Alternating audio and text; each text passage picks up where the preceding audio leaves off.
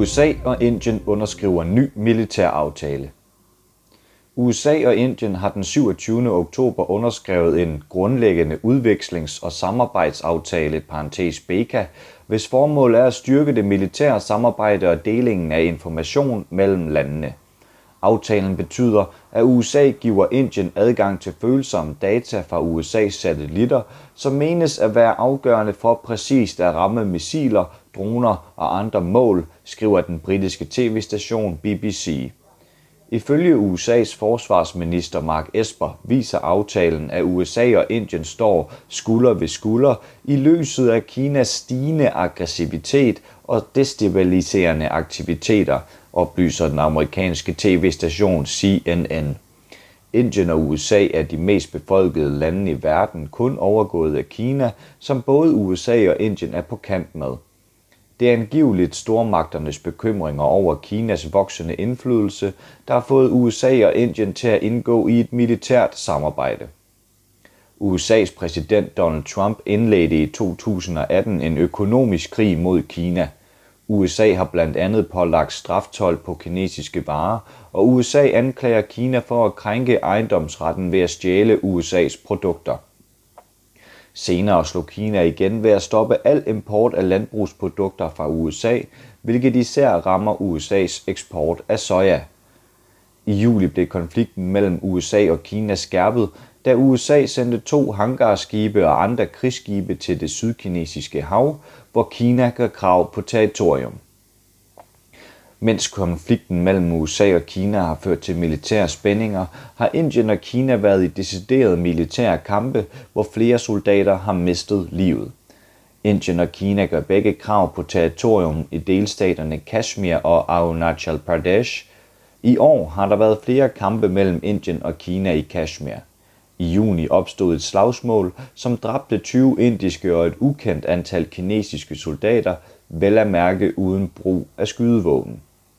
Det er efter optrapningen af disse konflikter mod Kina, at militæraftalen BECA er blevet underskrevet af de højorienterede regeringer i USA og Indien. To af Indiens kommunistiske partier, CPI og CPI Marxist, har understreget, at de er modstandere af BK-aftalen, som de mener er bygget på spændinger med Kina og strider imod Indiens suverænitet. CPI oplyser på SolidNet, at BECA er den fjerde forsvarsaftale mellem Indien og USA siden 2002. De øvrige aftaler har gjort det lettere for USA's administration at få Indien med i en militær alliance, skriver CPI og fortsætter. Underskrivelsen af BECA-aftalen vil føre til, at vores militære aktiviteter vil blive integreret i USA's system og vil gøre mindre plads til uafhængig bevægelse af vores egen her. CBI påpeger, at Indien aldrig tidligere har været med i nogen militær alliance og altid er gået ind for fred og samarbejde. Indiens udenrigspolitik bør ikke forvandles til en politik af aggressivitet, konfrontation og konflikt ved at alliere sig med USA's imperialisme, mener partiet. Også hos det kommunistiske parti CPI Marxist møder BK-aftalen modstand. Med denne aftale er alle de såkaldte fundamentale aftaler for en militær alliance med USA komplette, skriver CPI Marxist på SolidNet. Disse aftaler vil gøre os afhængige af USA's våben, hvis teknologi og systemer vil blive kontrolleret af USA, oplyser CPI Marxist og tilføjer. Det er ikke forenligt med nationale interesser. Kommunisterne fortæller, at Beka-aftalen kommer inden en militærøvelse planlagt af det strategiske fællesskab Quad, som både Indien og USA er en del af.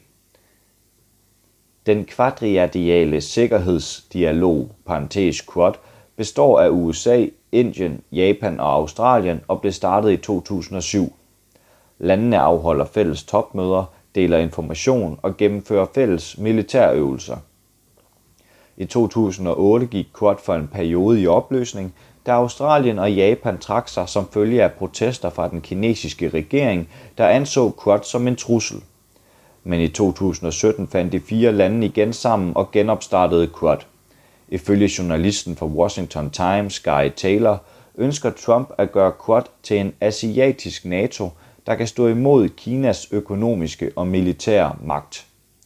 I denne måned vil Quad for første gang i 13 år være samlet i én fælles militærøvelse ved navn Malabar, der finder sted ved Bengalbugten og senere i det arabiske hav. Militærøvelsen Malabar er blevet tolket af mange eksperter som en demonstration af beslutsomhed over for Beijings voksende muskuløse udenrigspolitik, skriver journalisten Kunal Purohit i det kinesiske nyhedsmedie South China Morning Post.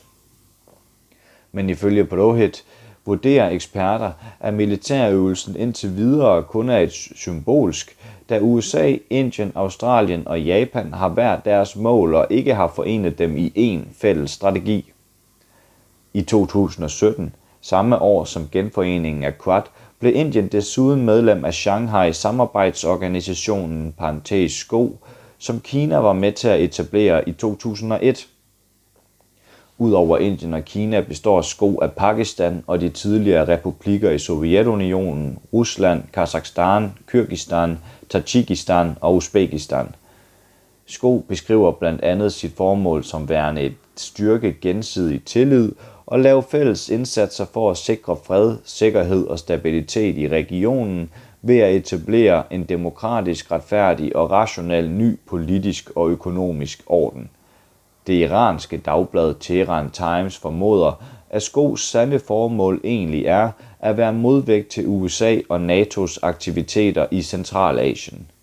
Desuden skriver journalisten Svagada Saha på East Asian Forum, at Sko ofte bliver døbt det asiatiske NATO, fordi organisationen domineres af Kina og Rusland, der udfordrer USA's magt i Asien.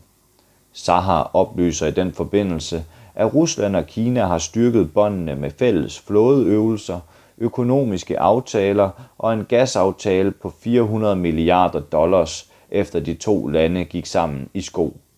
Det er derfor værd at bemærke, at selvom Indien har indgået en militær alliance med USA for at modstå Kinas voksende indflydelse, så er Indien samtidig en del af sko, som i samarbejde med Kina forsøger at udfordre USA's indflydelse. Du har lyttet til en artikel fra Arbejderen.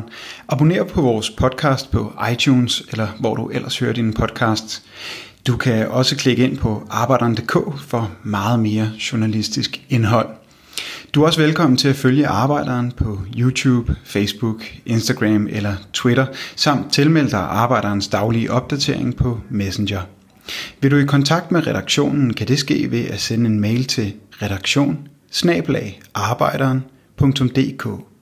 Tak fordi du lyttede med.